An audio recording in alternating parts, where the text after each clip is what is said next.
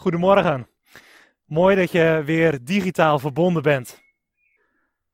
Vandaag wil ik met jullie nadenken over het thema vrijheid.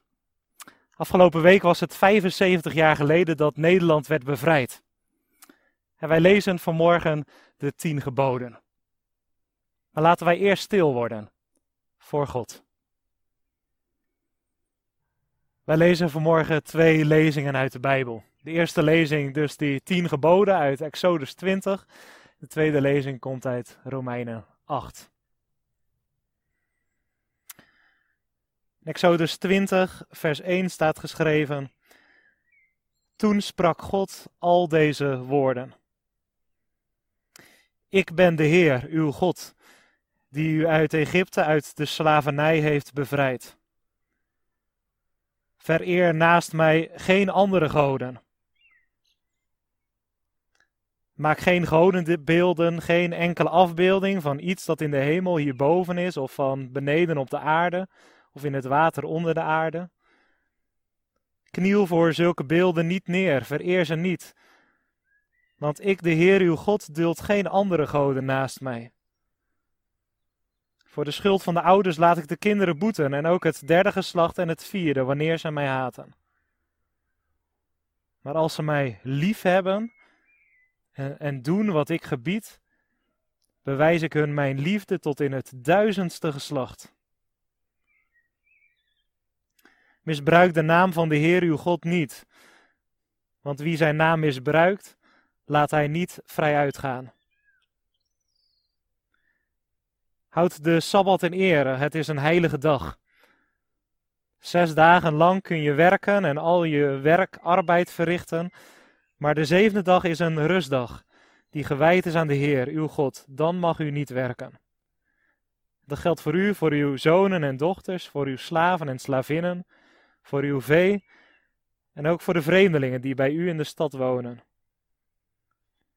Want in zes dagen heeft de Heer de hemel en de aarde gemaakt en de zee met alles wat erin leeft.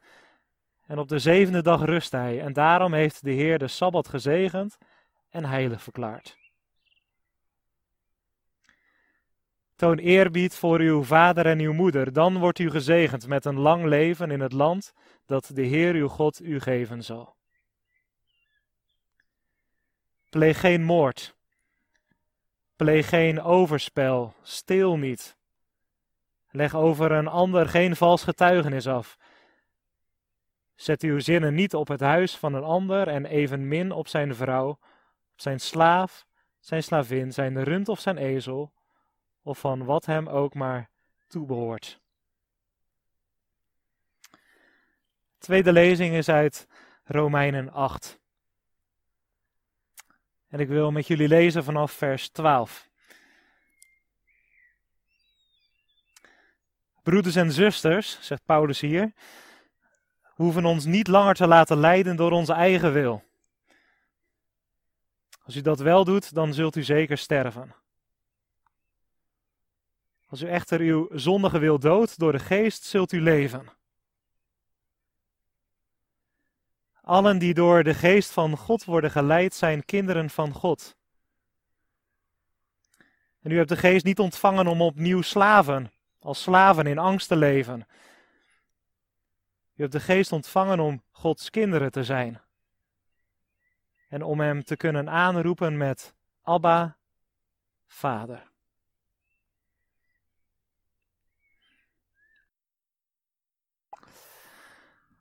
Lieve zus en broer in de Heer Jezus.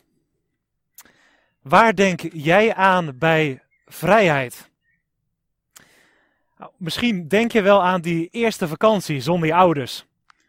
Samen met je vrienden weg. Er was opeens niemand die meekeek. En je kon doen waar je zin in had. Het kan ook dat je bij vrijheid vooral denkt aan oorlogsgebieden of gebieden met een dictatuur. Mensen wagen hun leven om uit deze onvrijheid te stappen en te ontsnappen. Bij vrijheid zou je ook nog kunnen denken aan al die maatregelen op dit moment. Wanneer kunnen we nu weer gewoon naar de winkel, of naar een festival, of naar de kerk, zonder al die beperkingen. Ja, en zo kunnen er natuurlijk nog veel meer dingen in ons hoofd naar boven komen als wij denken aan het thema vrijheid. Waar veel mensen waarschijnlijk niet aan zullen denken bij vrijheid, dat zijn regels. Nee, want, want regels zorgen juist dat de vrijheid beperkt wordt, toch? Maar dat, dat is wel wat er in het Bijbelgedeelte van vanmorgen gebeurt. Vrijheid en regels komen samen en ze lijken elkaar niet te bijten. Laten wij eens kijken wat er in en rond het Bijbelgedeelte allemaal gebeurt. Het volk van Israël is zeven weken geleden bevrijd uit de slavernij van Egypte. Die slavernij was een moeilijke tijd van ruim 100 jaar onderdrukking, discriminatie, zwoegen, honger en jonge kinderen die, die systematisch vermoord werden. Maar gelukkig liet God van zich horen. Mozes was gekomen en, en onder de Israëlieten groeide er langzaamaan hoop op een beter leven. En na verschillende plagen en, en het vieren van Pasen liet de farao het volk gaan. Door het water van de Rode Zee werden ze door God bevrijd en werden ze op weg gezet richting een beter leven, richting het beloofde land. En in de afgelopen dagen heeft het volk van Israël hun tenten opgezet bij de berg Horeb. De berg werd door de omliggende volken als een heilige berg gezien. Ja, en Mozes was er in de afgelopen jaren ook al regelmatig geweest. Toen hij de schapen van zijn schoonvader Jethro had gewijd. En het was ook bij deze berg waar God Mozes bij een brandende braamstruik had geroepen om terug te gaan naar Egypte en het volk in zijn naam te bevrijden. Moet ik dat doen, God? Ja, God riep Mozes. En nu was Mozes dus terug op deze plek, na jaren. Bijzonder. De Heer heeft woord gehouden. Het was inderdaad gebeurd. Mozes was hier nu niet met zijn schapen, maar met als het ware een grote kudde mensen. Zulke plekken als de Horeb zijn mooi, indrukwekkend. Misschien heb jij ook zulke plekken waar God aan jou verscheen en dingen beloofde. Toen je werd gedoopt, opgedragen werd, beleidenis deed. Toen God tot je sprak, toen je tijd met hem doorbracht. Zelf werd ik als kind gedoopt in de hervormde kerk van Streefkerk. En als ik daar ben, dan kan mij dat best wel raken. God beloofde toen, ik zal met je meegaan door het leven heen. En als ik terugkijk, dan heeft God inderdaad woord gehouden. Nu heeft God tegen Mozes gezegd dat hij het volk zal gaan toespreken. Vanaf de Horeb. Ja, en wat zal God de bevrijder gaan zeggen? Zou hij nog meer bevrijdende dingen in petto hebben? Het onweert, het, het beeft en trilt in ieder geval. En, en het is een heilig spektakel bij de Horeb. En Mozes gaat de berg op en het volk wacht af. Maar als Mozes na een tijdje terugkomt van de berg, komt hij terug met tien leefregels. Tien geboden, we hebben ze zojuist gelezen. Ik weet niet wat jouw gevoel daarbij is. Het kan op het eerste gezicht wel wat dubbel op ons overkomen. Ja, het is een heel spektakel bij de Horeb. Maar ze zijn net zeven weken bevrijd en ze krijgen nu al leefregels. En vrijheid en leefregels, is dat geen contrast? Is dat ook niet wat wij vaak bij foute regimes zien? Eerst cadeautjes voor het volk, vrijheden. Maar langzaamaan komen er toch regels en op een gegeven moment is alle vrijheid ingeperkt. God geeft het volk tien geboden. Je zult niet dit, je zult niet dat, je zult niet zus, je zult niet zo. Nou, weg is de vrijheid. Je hoort het nog wel eens in een gesprek met bijvoorbeeld een niet-gelovige collega. Ja, dat, dat geloof, is dat niet met al die regels en zo? Dan mag je toch heel veel niet? Ja, en toch is dat niet de reactie van de Israëlieten. En het is nog steeds niet de reactie op de wet binnen het Jodendom. Tot op de dag van vandaag wordt er zelfs jaarlijks een feest gevierd dat Simchat Torah heet. De vreugde van de wet. En mensen die lopen horsend en dansend met wetrollen door de straten. En ook in de psalmen wordt het houden van de wet als een vreugde gezien. Hoe is het mogelijk? De vreugde om de wet heeft alles te maken met de eerste woorden die God spreekt in de wet. Ik ben de Heer, jouw God, die uit het slavenbestaan van Egypte bevrijd heeft. Binnen het Joodse denken worden deze woorden als het eerste gebod beschouwd. dit zijn geen woorden van een dictator. Die eerste woorden zijn geen gebod, taak of een verplichting van wie wij voor God moeten zijn. Nee, God begint juist eerst met zichzelf, met wie Hij voor zijn mensen is. Het is alsof God eerst wil zeggen: allereerst houd dit altijd scherp. Ik ben er, ik ben de Heer jouw God. Ik heb jullie gekozen, ik heb jullie uit Egypte geroepen om vrij te zijn. En, en dit is wie jullie zijn. Dit is jullie identiteit. Je bent een vrij, een bevrijd mens. En lees door die bril ook de leefregels die nu gaan komen. Die zijn er niet om te beklemmen, om jouw leven nu in te perken, alsjeblieft niet. Ze zijn er juist om in de echte vrijheid, om in mijn geborgenheid te blijven. Ik geef deze woorden om jullie beste wil. En als je door deze bril, de bril van de vrijheid, de tien geboden gaat lezen, dan is dat eigenlijk ontzettend mooi. Dan krijgt het een andere klank. Dan ga je ook iets begrijpen van de vreugde die Joden ervaren rond de wet. De vreugde ook waarin de psalmen over de wet wordt gesproken. En dan lijken die woorden van de wet ja, juist uit de mond van een liefdevolle vader of moeder te komen, die het beste met zijn of haar kinderen voor heeft. Want de tien geboden, gelezen door de bril van de vrijheid, worden zoiets als dit. Ik zal een aantal geboden uitlichten.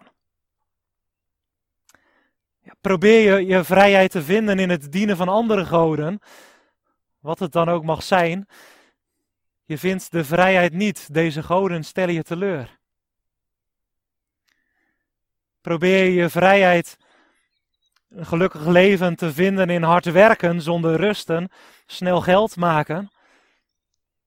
Het is niet goed. Probeer ook in ieder geval elke week een dag rust te nemen. Dat is goed voor je. Dat maakt je een vrije mens. Probeer je vrijheid te vinden in het vermoorden van iemand, uit wraak of gewoon. Het zal je geen vrijheid geven. Of is voor jou de ultieme vrijheid second love? Voelt misschien even spannend. Maar je breekt er juist veel moois mee af. Je ontneemt je geliefde, de ander, jezelf, een vrij leven. Of bestaat vrijheid voor jou juist uit het verzamelen van allemaal verschillende gadgets die je bij anderen ziet en jij ook graag wilt hebben? Maar die spullen zullen je echt geen vrijer en gelukkige mens maken. Bezit van de zaak is het einde van het vermaak. Wil je in mijn vrijheid blijven? Wil je in mijn liefde blijven? Neem deze tien richtlijnen, deze tien wegwijzers richting het beloofde land dan serieus. Precies zeven weken na de bevrijding van Israël uit Egypte, na Pasen, kregen de Israëlieten richtlijnen hoe men in de vrijheid van God zou kunnen blijven. Richtlijnen om niet opnieuw slaaf te worden, wegwijzers naar het goede leven. En het mooie is dat eeuwen later, precies zeven weken na Goede Vrijdag en Pasen, ook de Heilige Geest wordt uitgestort. En er was opnieuw een heftig spektakel met wind, vuur, woorden. En wat doet de Heilige Geest? Eigenlijk doet de Heilige Geest vrijwel hetzelfde als de wet. Net zoals de wet allereerst focust op God, de bevrijder, richt de Heilige Geest ons leven op Jezus. De bevrijding van de God van Israël in persoon. En de geest die zorgt ervoor dat die vrijheid die Jezus geeft steeds meer een onderdeel wordt van ons leven. Dat wij onze vrijheid niet meer zoeken in verkeerde dingen, maar in God. En de geest die zorgt ervoor dat dit ook zichtbaar wordt in ons leven en ja, in ons doen en laten, ook richting anderen. wij hoeven dat niet zelf te regelen, te fixen, dat leven met God. Dat leven uit zijn bevrijheid bevrijding. Dat kunnen wij ook niet. Maar gelukkig is Jezus gekomen. Heeft God ons de Heilige Geest gegeven, die ons leert om als een vrij mens te leven voor altijd. En Paulus roept ons op om ons leven te laten leiden door die geest. We hoeven geen slaven te zijn. Dat is zonde. We mogen leven in Gods vrijheid. Tot slot wil ik jullie graag drie takeaways meegeven voor de komende week. Sta allereerst eens stil bij de Horebs, de heilige bergen in jouw leven. Wat waren momenten in jouw leven waarin de Heere God tot je sprak? En heeft Hij woord gehouden? Als je nu terugkijkt. Ten tweede, God heeft onze vrijheid voor ogen. Geloven is geen verzameling van geboden om te pesten of om onze vrijheid in te perken. Het is juist blijven in de vrijheid door de wegwijzers van God richting het goede leven te volgen. tot slot, laat je leiden door de Heilige Geest. Vraag elke morgen of de Heilige Geest je leven wil leiden. Dat je bewaard zal worden voor dat wat je van Gods vrijheid weghaalt dat je mag leven in het voetspoor van Jezus. Om God lief te hebben boven alles. En je naaste als jezelf. Amen. Laten wij danken, bidden en ook voorbeden doen. Laten we stil worden voor de Heer God. Heer onze God, trouwe en liefdevolle Vader in de hemel. Dank u wel dat wij vanmorgen weer digitaal konden samenkomen. Wat is het bijzonder dat dat kan, zo via YouTube. Dank u wel dat we mochten bidden, dat we mochten luisteren naar muziek, maar ook mochten luisteren naar uw woord. Een ontzettend bekend gedeelte. Tien geboden. En Heere God, wat kan het soms voelen alsof regels ja, ons geloof inperken? Onze vrijheid inperken. En dank u wel dat wij vanmorgen mochten leren dat u juist die regels heeft gegeven om, om extra vrij te zijn. Om te zijn zoals wij door u zijn bedoeld, geroepen tot vrijheid.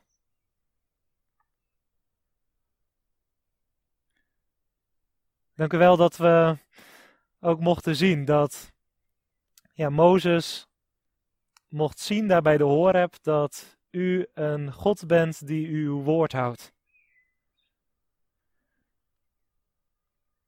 Dank u wel dat wij dat ook op verschillende manieren mogen zien in ons leven. Dat u ons niet alleen laat, maar dat u een God bent die, ja, u zich aan het woord houdt.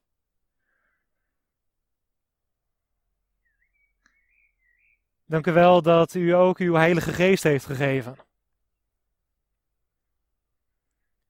Uw Heilige Geest die in ons werkt. Die ons wegtrekt bij de dingen die niet goed zijn. Die onze blik elke keer weer op de Heer Jezus richt.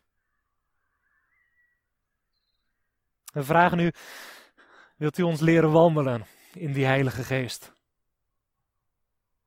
Help ons om te leven in uw voetspoor.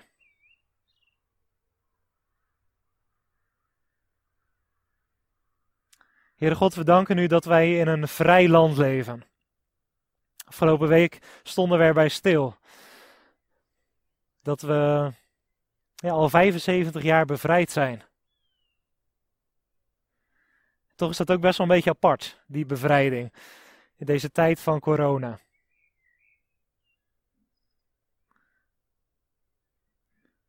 Heren, wilt u bij alle mensen zijn die daar mee te maken hebben? Ziek zijn geworden, die misschien te maken hebben met een overlijden van een geliefde. De dokters, mensen waar het moeilijk gaat op hun werk. God wilt u bij hen zijn. Kracht geven, ondersteunen, wijsheid geven. Dank u wel dat vandaag ook Moederdag is. Dank u wel voor zoveel lieve moeders. Wilt u bij hen zijn? Dat ook bij de moeders zijn die nou, vandaag ook opvoeden en hun kinderen uh, proberen ook wijze dingen bij te brengen, net zoals u dat bij ons doet. God wilt u hen daarin ook zegenen. Dat ze hun kinderen ook elke keer weer bij u mogen brengen. Als de plek waar het goed is. Wil ook bidden voor alle mensen die zo graag moeder hadden willen zijn. Of waar het moederschap juist een pijnpunt is. Wilt u bij hen zijn en omarmen? Dichtbij zijn.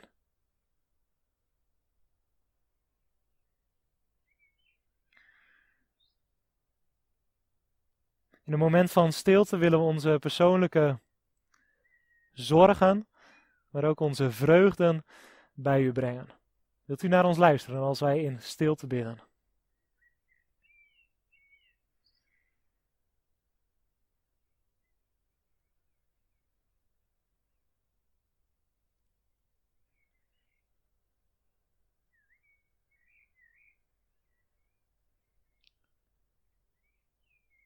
We willen dit gebed besluiten door samen het gebed te bidden dat uw Zoon, de Heer Jezus, ons heeft leren bidden.